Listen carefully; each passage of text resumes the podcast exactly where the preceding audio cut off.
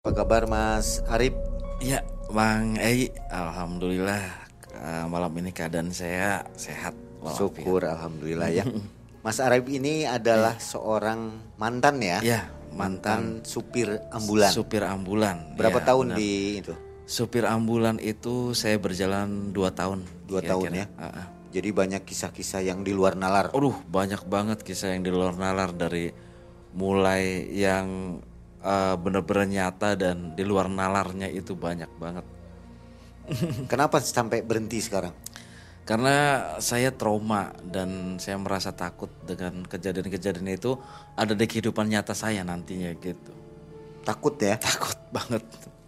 Oke, baik. Mas Arif, ya, profesi Bang yang sekarang apa? Saya kebetulan sekarang menjalani profesi online online. Mas Arif, ya, kejadian itu tahun berapa? Pada waktu itu kejadian tahun 2009 ketika saya baru menjalani profesi jadi supir ambulan itu. Oh, tersebut. jadi begitu awal masuk sudah langsung iya, terima kejadian aneh. Terima kejadian aneh karena ya mungkin saya belum terbiasa satu kan. Dan yang kedua emang profesi baru saya gitu loh. Oke, nanti hmm. dikisahkan ya. Ada beberapa iya. kisah mungkin ya? Iya, ada beberapa kisah yang akan saya ceritakan nanti. Sobat Malam Mencekam, mudah-mudahan kita semua selalu dalam keadaan sehat walafiat dan dilindungi oleh Allah Amin. Subhanahu wa taala. Amin. Saatnya kita mendengarkan kisah dari Mas Arif. Malam Mencekam, semakin malam semakin mencekam. Silakan Mas Arif.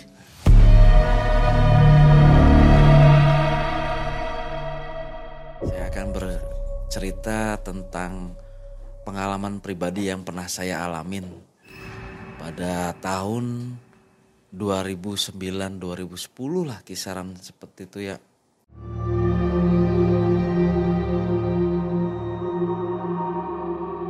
Pada waktu itu kejadiannya saya itu tidak tahu kalau supir ambulan itu memang harus bersih ya, bersih dalam artian bersih jiwa, bersih raga, bersih badan gitu ya. Nah, pada waktu itu saya itu tidak sengaja pulang pagi ya pulang pagi itu karena habis kerja malam ya. Nah udah gitu berhubungan badan lah sama istri. Dan lupa mandi junub ya kan. Tiba-tiba dapat telepon katanya saya harus menggantikan rekan saya yang sakit yang nggak masuk. Nah mau nggak mau saya itu harus datang ke kantor untuk bisa menggantikan teman saya itu. Akhirnya saya masuk tuh kerja. Pas saya masuk kerja, dapat tugas dari yayasan tuh untuk menghantarkan pasien. Pasien itu katanya pulang paksa. Pulang paksa karena ya dia itu merasa penyakitnya itu tidak akan sembuh gitu kan ya. Jadi si keluarga itu minta untuk pulang paksa. Akhirnya ya karena tugas mau nggak mau ya saya antarkan lah ya. Pada waktu itu saya tidak membawa rekan karena saya merasa berani tadinya belum punya pengalaman ya. Jadi saya antarkanlah si pasien itu. Waktu itu pasien itu rumahnya di arah Kuningan. Nah, pas di tengah perjalanan rupanya si pasien itu meninggal. Terus si keluarga bilang, "Gimana ini prosedurnya?" Karena rumah sakit tidak mengizinkan untuk membawa jenazah karena ya saya merasa kasihan ya. Akhirnya ya saya bawa aja ke lokasi itu tuh si pasien yang meninggal tadi di tengah perjalanan itu. Nah akhirnya sudah di lokasi uh, rumah si pasien yang sudah meninggal itu si jenazah diturunkan dan prosesi segala macam disambut isak tangis sama keluarga segala macam. Nah kejadian itu tuh uh, malam dia pamit keluar rumah sakit itu jam 12 malam. Itu hari Sabtu inget banget saya waktu itu hari Sabtu Wage. Hari Sabtu Wage itu. Nah akhirnya setelah sudah tadi setelah meninggal gimana nih prosesinya akhirnya di, diantarkan sampai di lokasi rumah si pasien yang meninggal. Ya akhirnya saya pun izin pamit pulang. Itu jam jam 2 jam 2 malam arah ke arah kuningan itu udah udah mulai keluar kabut-kabut putih tuh dari bawah kawah gunung cermainya itu tuh. Jadi itu uh, benar-benar gelap karena tidak ada lampu penerangan jalan. Jadi saya pelan-pelan lah lewatin ya bukit-bukit tanjakan turunannya itu. Kiri kanannya itu banyaknya toang-toang ataupun hutan-hutan kecil om. Hutan-hutan kecil. Ya pohon-pohon rangdu, pohon-pohon beringin itu tuh banyak ada di situnya tuh. Saya ingat banget dan lewatin jembatan-jembatan yang curam, yang terjal itu seperti itu tuh. Karena lokasi si pasien yang meninggal itu tuh emang terpelosok banget, terpencil banget gitu Mang Ai. Namanya saya supir ya. Saya supir pasti harus dong inget jalan, harus dong hafal jalan. Ke manakah ini, ke kanan tah ini, ke kiri tah ini, harus hafal jalan. Nah pada waktu malam itu saya ngeblank sama sekali. Setelah saya pamit pulang mengantarkan si jenazah itu. Jadi saya belok kanan, ketemunya, loh kok kebun ini lagi, kebun yang sama. Saya belok kiri, loh kok ketemunya si kebun yang sama lagi gitu loh. Nah ketika itu malam semakin larut, saya lihat jam, aduh berarti saya ini muter-muter di daerah yang sama itu sudah hampir satu jam. Saya lihat bensin, waduh sudah mulai menipis. Saya lihat ini apa namanya perbekalan saya kayak rokok lagi tuh udah mulai nggak ada, aku apa segala macam. Aduh di situ udah pikirannya itu udah mulai blank, udah mulai galau. Aduh ya Tuhan, ya Allah gimana ini? Akhirnya pada waktu itu karena saya baru pertama kali kerja, saya tidak tahu tindakan apa yang harus saya lakukan. Saya telepon lah ke pihak di mana yayasan itu saya kerja. Halo, kata saya tuh bilang gitu. Kamu ke mana? Kok dari tadi nggak nyampe-nyampe? Katanya, karena di sana juga menanti kan, menantikan kehadiran saya lagi, balik lagi gitu. Nah, pas begitu saya telepon, ini saya sudah nyampe ke lokasi orang yang saya antarkan tapi dia meninggal.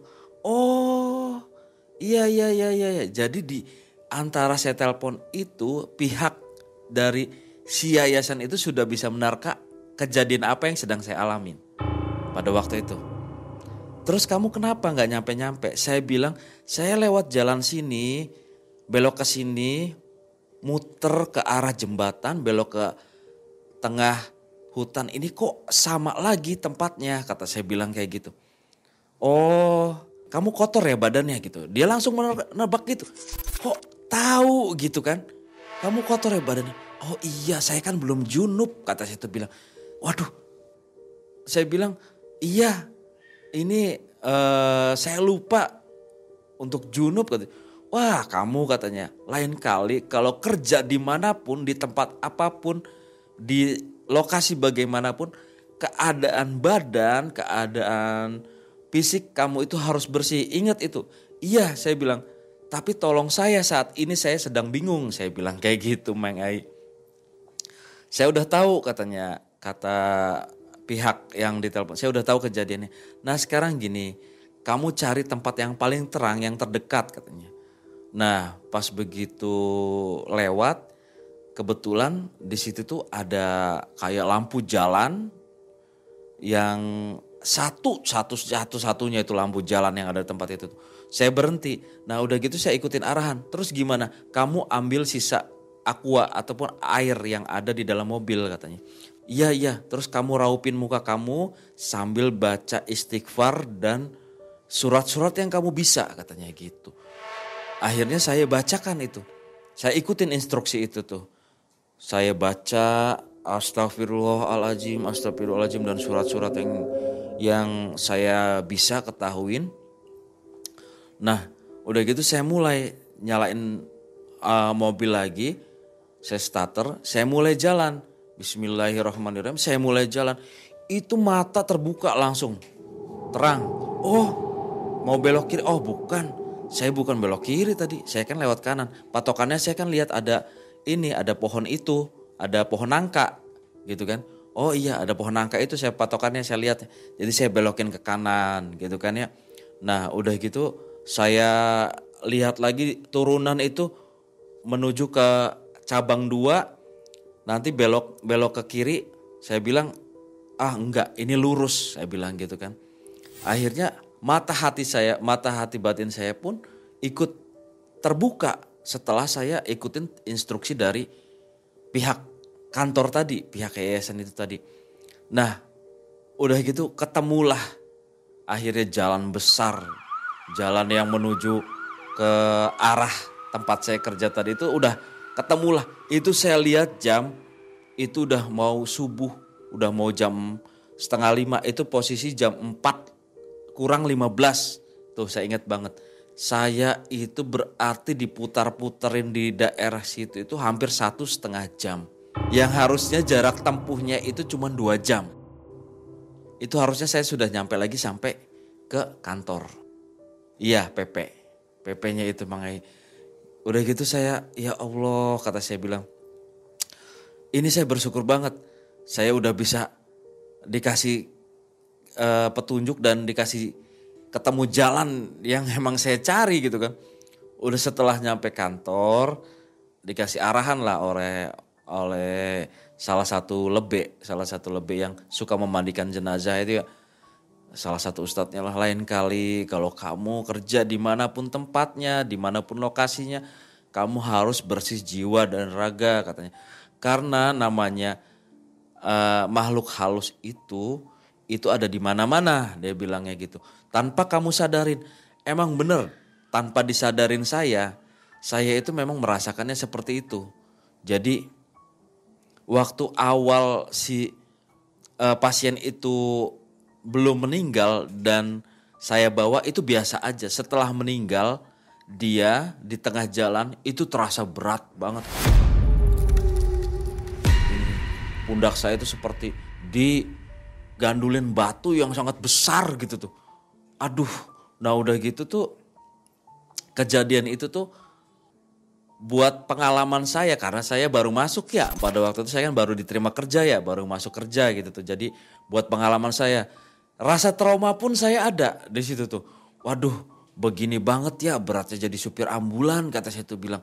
Tapi gimana ya kalau nggak seperti ini saya nggak bisa cari nafkah untuk anak dan istri saya saya bilang gitu. Akhirnya saya lakonin itu terus. Saya lakonin itu terus berbulan-bulan, berbulan-bulan sampai ganti satu tahun. Walaupun saya harus berangkat, suka dukanya. Walaupun jam 12 malam, ada pasien ataupun ada jenazah yang minta diantarkan, ya harus berangkat. Dan di situ kita itu ya tidak bisa memilih dalam artian harus sama siapa, harus sendiriankah atau ditemanikah? Karena ya kalau kita minta temenin, ada enggak orang yang bisa ditemenin sama kita? Kalau ya lagi dianya lagi sibuk juga, ya terpaksa kita sendirian gitu kan. Dalam kondisi malam yang sangat gelap, ataupun dalam kondisi siang yang panas, dalam kondisi ban yang bocor atau yang pecah gitu kan. Ya itu kita harus bisa mengatasinya sendiri gitu loh, menanggulanginya sendiri. Walaupun uh, air radiatornya kekeringan, mobilnya mogok, ya itulah suka dukanya jadi supir ambulan itu ya kita harus bisa nanganinnya sendiri.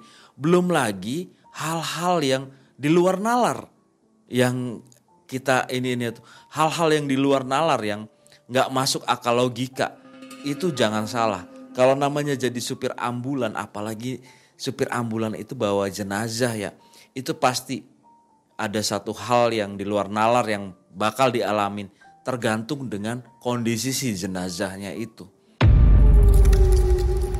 Dalam artian ya kita bukan bukan meng, mengumbar fitnah ya, ataupun mengumbar kebencian terhadap jenazah yang kita bawa gitu kan. Kita itu nggak boleh ngomongin kok jenazah ini bau banget misalnya gitu ya Mang Eya. Padahal kan dia sudah dimandikan, posisi pasti masih wangi dong, harum-haruman.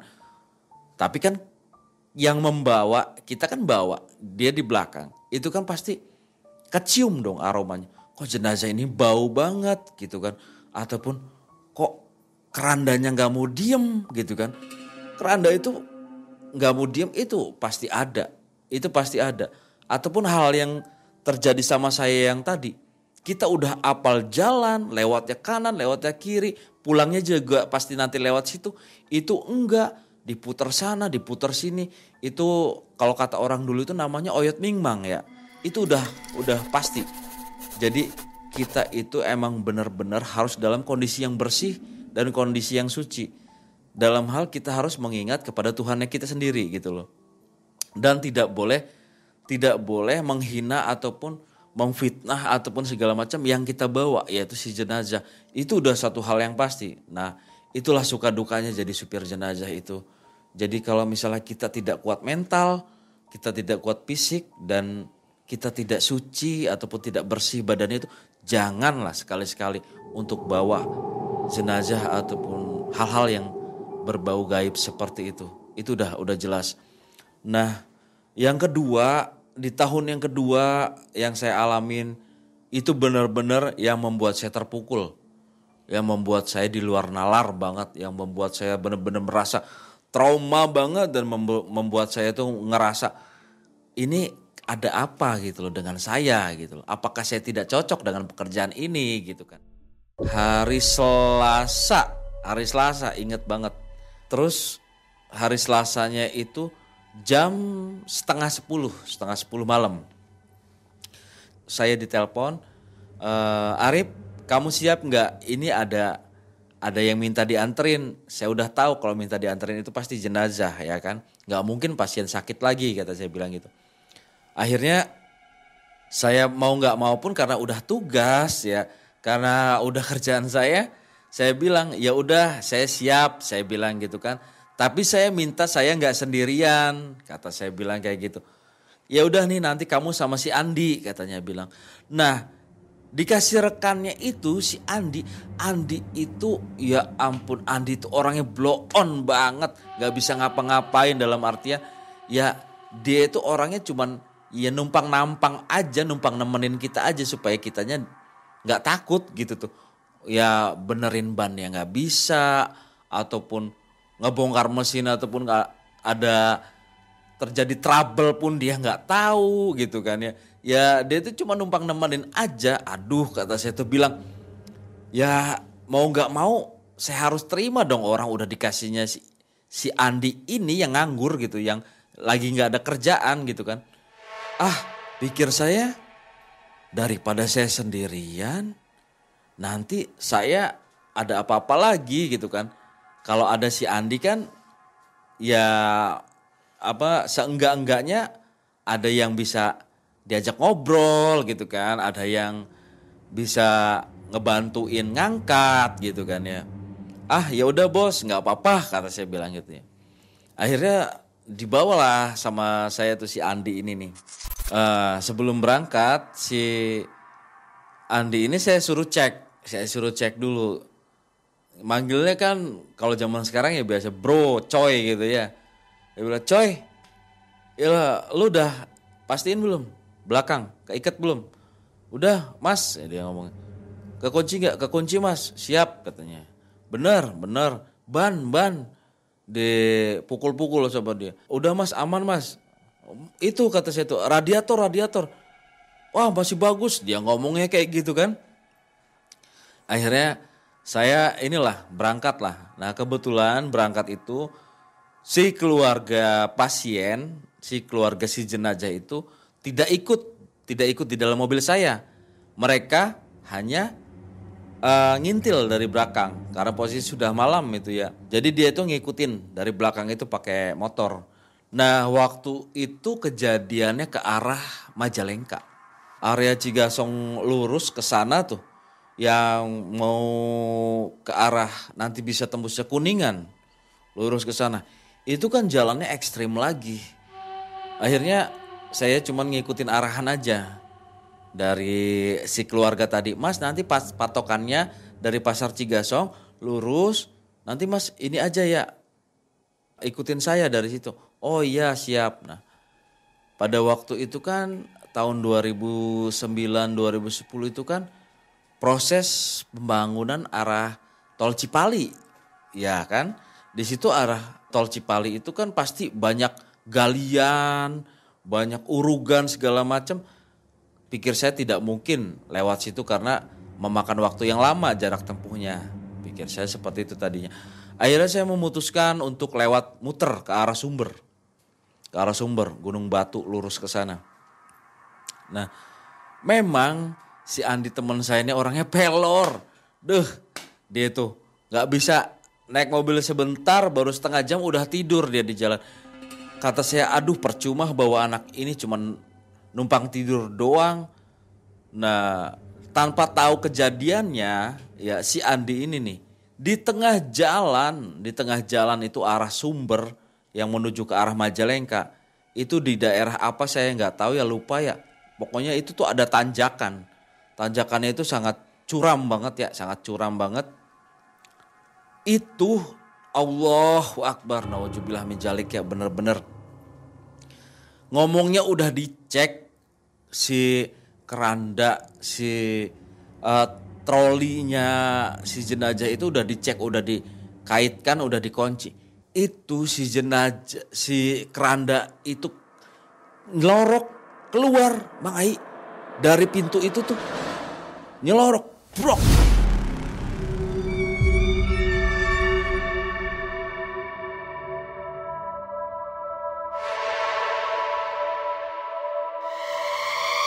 Aduh, ada apa tuh? Waduh, innalillahi mayatnya jatuh. Itu si, si, si jenazah jatuh dari mobil. Akhirnya saya bangun kan, woi, woi, woi, bangun. Goblok iraku. Katanya udah dicek, udah dilihat posisinya. Iya bang, udah dia. Ah, itu jatuh lihat. Itu, bangun, bangun. Akhirnya dia keluar dari mobil, saya keluar dari mobil. Saya debat lah di situ. Kamu tuh gimana sih? Saya hampir berantem di situ sama si Andi itu. Enggak bang, bener udah dicek. Akhirnya si pihak keluarga yang tadi mengikuti dari belakang itu enggak marah. Enggak marah sama sekali. Dia bilang, udah mas ini mungkin kecelakaan. Katanya dia bilang, masukin lagi aja katanya. Enggak apa-apa kok masukin lagi aja katanya. Ikutin aja sampai ke arah rumah katanya. Dia ngomong kayak gitu.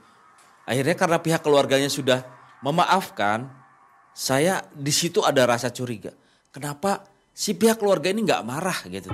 Aturan dia marah dong sama saya si supirnya ini bagaimana sih gitu kan? Si keneknya ini gimana sih? Udah bener nggak sih ini ini ya? Seperti ada yang ditutup-tutupin gitu si pihak keluarganya ini nih. Uh, saya sama si Andi pun dengan bekerja sama membenarkan uh, ngebenerin itu si jenazah sampai sampai ke tempat tidurnya sampai si sama si kerandanya ini sama sampai ke trolinya ini dengan benar lagi saya benar-benar kunci ininya itu uh, ada cekrekannya itu kan yang di bawahnya itu saya benar-benar kunci gitu cekrek-cekrek dan segala macam. Saya pastikan tidak akan terjadi lagi gitu kan ya. Nah udah gitu saya lanjutkan perjalanan tuh. Lewat ini ya lewat uh, kayak sungai ataupun kayak kali yang nikung-nikung kayak gitu tuh ada jembatan lurus. Nah itu saya ingetin apalin jalannya juga sama lah. Itu karena kewajiban saya ya sebagai driver, sebagai supir ambulan untuk mengingatkan jalan gitu kan ya.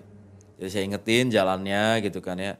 Nah udah gitu sampai di tempat yang udah dijanjikan oleh si pihak keluarga nanti kalau misalnya udah nyampe sini Mas ikutin aja saya katanya gitu kan di Cigasong itu akhirnya ketemulah kita. Akhirnya saya ikutin tuh si pihak keluarganya itu. Dia duluan yang di depan tuh. Saya di belakang. Tapi lampu sirinenya itu tetap menyala dengan tidak ada suara karena posisi malam. Takut mengganggu gitu kan ya. Saya ikutin pihak keluarganya itu. Dan itu tuh rupanya jalannya itu tuh lebih ekstrim daripada yang kejadian saya yang wa pertama waktu ke arah Kuningan. Itu ke arah Majalengka itu rupanya lebih terpelosok lagi lah. Dalam artian lebih terpencil lagi lah desa si tempat si keluarga jenazah ini tinggal gitu. Dalam hati saya udah ngucap, ya Allah jangan sampai ada kejadian lagi gitu kan ya. Jangan sampai ada kejadian lagi. Nah pada waktu malam itu tuh waktu saya mengantarkan jenazah itu, ya saya nggak mengulang nggak mengulang kesalahan dong, karena saya udah punya pengalaman kan ya. Jadi ya saya udah bersih, saya udah bersih gitu kan, saya udah udah udah bersih, udah suci lah dari hadas besar dan hadas kecil gitu kan. Saya udah junub dan segala macam karena kan emang sudah dibilangin sama ini kan, sama atasan saya gitu kan. Nah akhirnya uh, pada waktu itu kita tiba lah di lokasi di suatu tempat di suatu daerah di suatu desa tempat si jenazah ini tinggal gitu kan ya dengan prosesi yang ada penyerahan jenazah dan segala macam karena pada waktu itu nyampe di sana itu sudah hampir pagi hampir udah udah udah lebih lari larut malam lah ya. Hampir jam hampir jam setengah dua. Ya itu sih kalau nggak terbentur masalah karena si jenazah itu tadi nyelorok jatuh itu ya mungkin udah lebih cepat gitu tuh datangnya. Seharusnya bisa ditempuh dengan waktu dua dua jam setengah ataupun nyampe tiga jam lah ya. Ini lebih lama lagi sejam jadi empat jam gitu setengah sepuluh setengah sebelas setengah dua belas setengah satu setengah dua Nyampe sananya itu setengah dua, empat jam.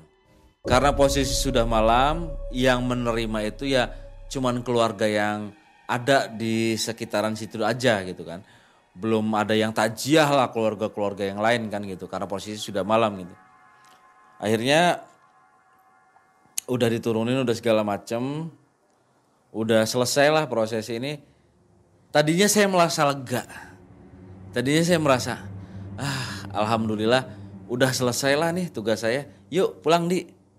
Saya bilang ke teman saya itu, yaudah yuk, udah yuk pulang yuk. Akhirnya saya pulang, jalanin mobil itu, jalanin mobil itu.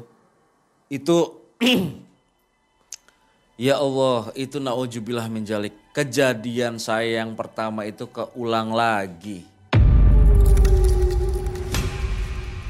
Saya lewat ke kanan, tapi kok tembusnya ke sini saya lewat ke kiri, tapi kok tembusnya ke sini, ke tempat yang sama lagi. Dan itu si Andi, sialan, itu si Andi yang, aduh bener-bener, itu cuman tidur, dia nggak tahu yang saya alamin itu tuh. Bener-bener, saya tuh nggak ada nggak ada gunanya banget bawa partner gitu tuh. Dia nggak tahu yang saya alami. Saya mau bangun dia, tapi dia udah, oh, udah ngorok. Waduh kata saya bilang, Akhirnya saya puter lagi jalan, saya puter lagi jalan. Itu kan tadi saya setengah dua nyampe di situ tuh, di lokasi rumah jenazah itu tuh. Saya jalan lagi itu sekitar jam dua. Nah, pikir saya mau cari jalan keluar ke arah desa itu menuju jalan besar, itu nggak mungkin dong puter-puter itu sampai satu jam. Ya kan? Nah, itu saya dari jam 2 itu nyampe jam 3.15 itu masih di arah situ aja. Akhirnya saya berinisiatif nih. Pikir saya la ilaha illallah, saya nggak mungkin dong mengulang lagi kejadian ini. Saya balik lagi ke rumah si jenazah tadi. Nah, saya balik ke rumah si jenazah tadi, nauzubillah menjalik ya. Karena apa ya? Karena nggak mungkin dong malam-malam nih di tengah jenazah itu ada sesosok wanita pakai baju kuning, pakai baju kuning, pakai kerudung kuning. Dia itu seperti sedang meratapi gini nih di, di dekat jenazah itu. Saya ngelihatnya itu tuh jelas banget dengan mata kepala saya. Dan itu tuh nggak mungkin keluarga yang ada di situ gitu loh. Karena setahu saya keluarga di situ tuh pada capek. Nah udah gitu saya bilang, saya tanya sama si keluarga itu. Assalamualaikum kata saya. Oh, eh Pak kok datang lagi? Iya, saya nggak ketemu jalan, eh. Saya bilang kayak gitu ya. Oh, Bapak balik lagi ke sini karena nggak ketemu jalan. Lupa tak Pak? Katanya gitu. Enggak, saya nggak lupa. Tapi saya itu, kata saya bilang, saya itu cuman muter-muter daerah situ aja. Oh, jadi seperti udah tahu si keluarga ini nih. Kalau saya itu nyasar. Terus langsung dibilang dibilang seperti ini sama uh, orang yang tertua lah, bisa dianggap orang yang tertua di keluarga itu. Ditepuk pundak saya. Mas, eh iya pak, mas enaknya mas minum dulu katanya. Di sini yuk katanya. Aduh pak, nggak usah lah pak, saya buru-buru, udah harus pulang ke kantor. Pikir saya kan udah jam 3.15. Ya udah mas gini aja, mas ambil air aja tuh di situ tuh sana wudhu katanya gitu. Jadi saya tuh disuruh wudhu. Akhirnya saya ngikutin apa yang kata orang yang tertua di situ ngomong. Saya ikutin uh, berbasuh gitu ya. Bilas kepala saya, badan saya. Uh, iya pak, makasih udah ya. Nggak minum dulu, udah nggak usah pak. Uh, yakin, yakin kata situ bilang. Akhirnya saya lanjutkan perjalanan itu tuh. Itu si Andi masih tidur di dalam mobil itu kurang ajarnya tuh. Saya itu sendiri yang ngadepin si keluarga jenazahnya itu tuh. Di tengah perjalanan, lima menit perjalanan itu kira-kira melewatin ada hutan pinus kalau nggak salah tuh. Nah, itu saya seperti mendengar ban mobil saya itu pecah. Bledor gitu tuh. Langsung saya, di, di bangunin. Langsung dia ngomong, ih ada apa bang katanya. Eh, itu Lu gimana sih katanya tadi udah ngecek ban. Kok pecah sih? Oh masa sih katanya. Coba-coba turun dulu kan. Turun. Akhirnya saya turun dulu sama dia turun. Eh itu bannya emang gak apa-apa. Cuman hanya halusinasi saya ngedenger ban pecah. Akhirnya saya lanjutkan perjalanan saya itu. Di tengah perjalanan itu ngelewatin turunan tapi sebelah kanannya itu kayak ada bukit-bukit ada bukit-bukit yang uh, ada pohon-pohon lah gitu tuh pohon-pohon nangka pohon pohon pisang gitu tuh di tengah perjalanan turun itu lewatin lewatin turunan itu di tengah perjalanan itu kan apa kabut itu udah tebal ya udah tebal banget jadi saya pakai lampu jauh saya tembak-tembakin gitu ya pas saya tembakin celetek saya tembakin lampu jauh tuh celetek ada sesosok nenek-nenek. Pikir saya ini jam setengah empat, ngapain nenek-nenek ini kok ada di sini? Nenek-nenek itu bawa tongkat, lewatin tanjakan itu tuh seperti dia mau nanjak tuh. Nah, udah gitu, dia tuh gini, dia tuh nengok ke saya gini sambil nyengir. Eh, ih kata situ, ada nenek-nenek lewat saya. Pas saya ngeliat lagi ke belakang, itu udah nggak ada si nenek itu tuh. Itu dari situ saya udah mulai kacau hati saya, pikiran saya itu udah mulai kacau. Ya Allah, apa ini yang terjadi sama saya? Terus dalam hati saya itu istighfar, astagfirullah, astagfirullah. Ya Allah, itu saya benar-benar dalam kondisi yang super ketakutan.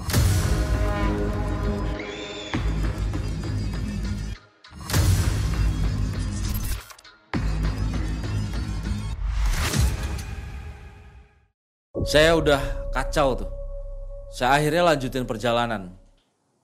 Tapi perjalanan itu yang saya tempuh itu pas dengan jalan yang saya mau datang tadi. Oh ini jalan yang tadi. Oh ini bener nih ada lapangan bola. Oh iya ini bener nih ada pohon nangka. Jadi saya itu udah inget. Alhamdulillah kata situ. Saya bilang kayak gitu kan ya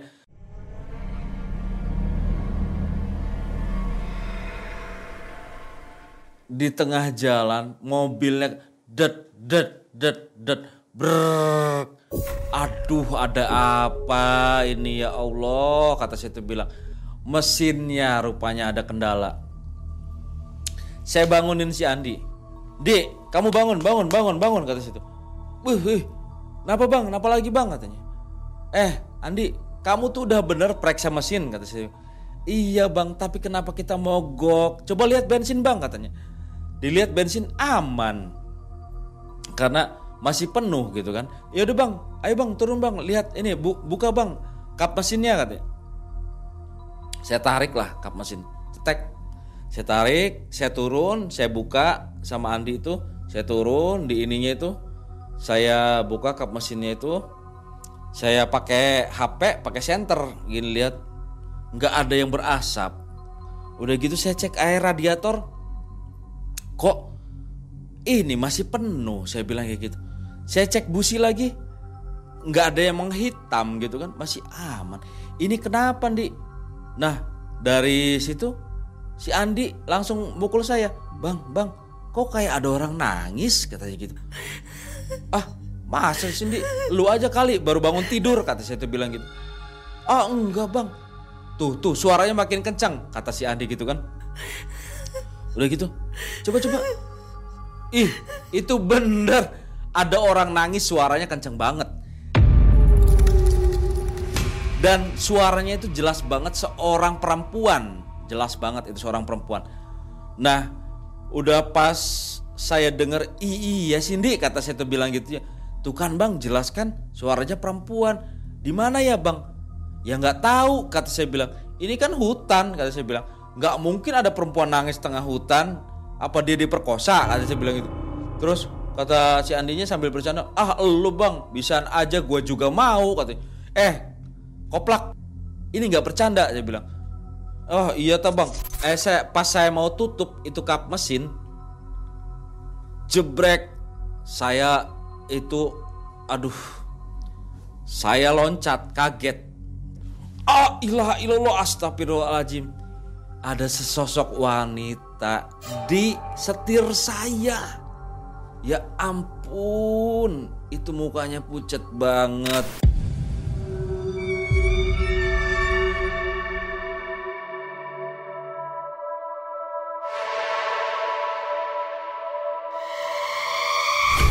Saya lihat udah gitu dia itu kayak aduh dia itu berantakan lah la ilaha illallah kata saya bilang. Sambil saya kencang. Si Andi bilang eh bang bang ada apa? Di di lu lihat itu. Kata saya bilang gitu. Itu ada cewek di setir kata. Suruh pergilah suruh pergi. Mana? Nggak ada. Masa lu nggak ngeliat? kata saya tuh bilang. Dibuka sama Andi ininya tuh. Apa namanya pintu mobilnya? Jebrek tuh kan nggak ada apa-apa. Saya nggak percaya lagi. Saya lihat oh iya astagfirullahaladzim. Berarti perempuan tadi itu itu itu benar-benar makhluk gaib yang saya lihat yang ada di hutan itu. Saya hampir nggak percaya karena waktu sudah hampir pagi saya pun dikejar deadline dikejar buru-buru untuk nyampe ke kantor lagi.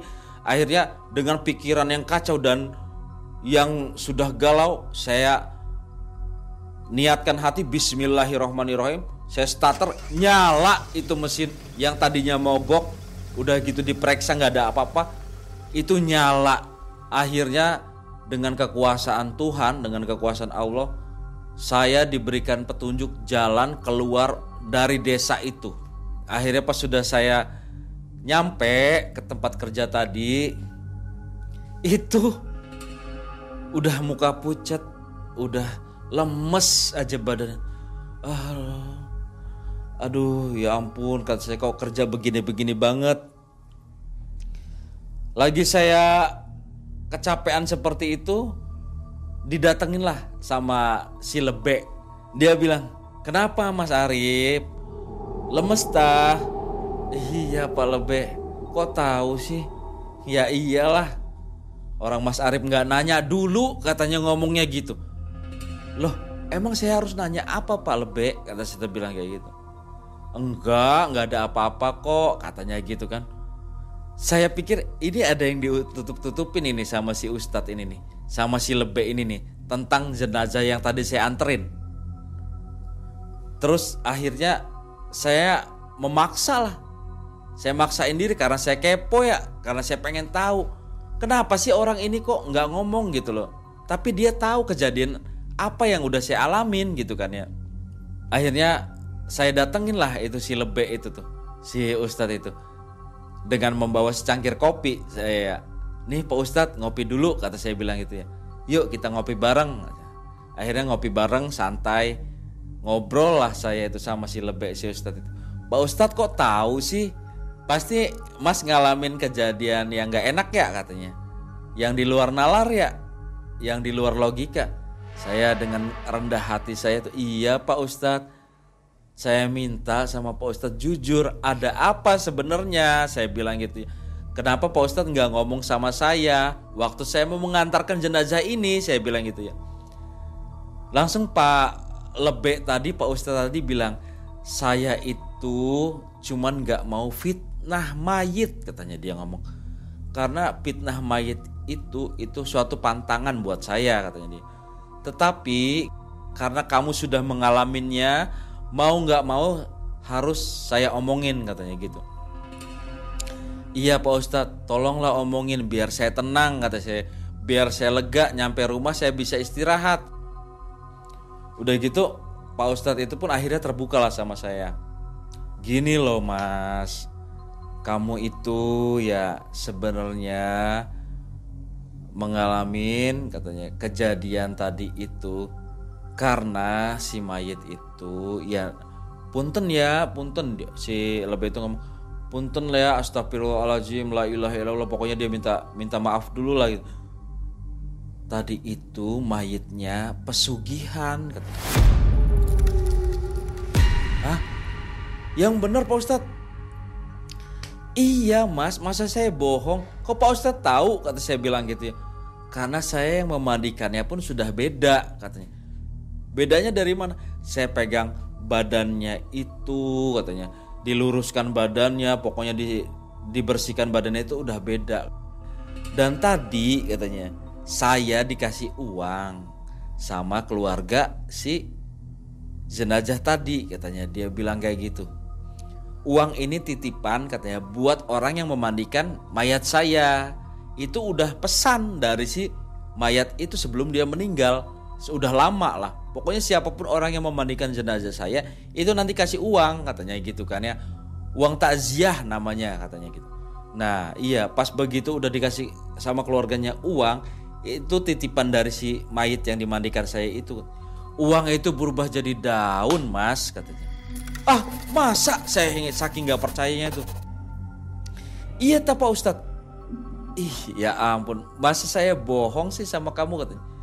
Iya katanya. Mm, ya ampun kamu lahirnya apa kata kata Pak Ustadznya itu. Saya itu lahirnya malam Jumat Kliwon Pak Ustadz. Lah kamu malam Jumat Kliwon ya dia mati Selasa ini pokoknya dia ngomongin masalah tentang weton. Hmm, itu tuh cocok. Jadi si orang pesugihan itu mencari weton yang yang lahirnya sama uh, dengan waktu tempat waktu dia menjalankan pesugihan. Oh iya Pak Ustadz, ya itu katanya. Kamu tuh sebenarnya ingin dijadikan tumbal tadinya karena kamu diarahkan yang ke jalan-jalan yang nggak benar kan pasti tadi. Kata saya, kok Pak Ustadz ini tahu? Iya, coba kamu kalau belok kanan arah jurang katanya. Coba kamu kalau belok, belok kiri arah tempat sungai yang dalam katanya. Terus kamu pasti ngelihat hal-hal aneh kan, didatengin ini, didatengin itu.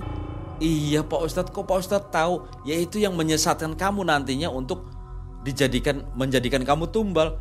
Ya Allah, saya bilang gitu ya. Astagfirullahaladzim, di situlah saya merasa tertekan, saya merasa tambah trauma, saya merasa tambah merasa tambah nggak cocok menjalani pekerjaan ini gitu kan ya.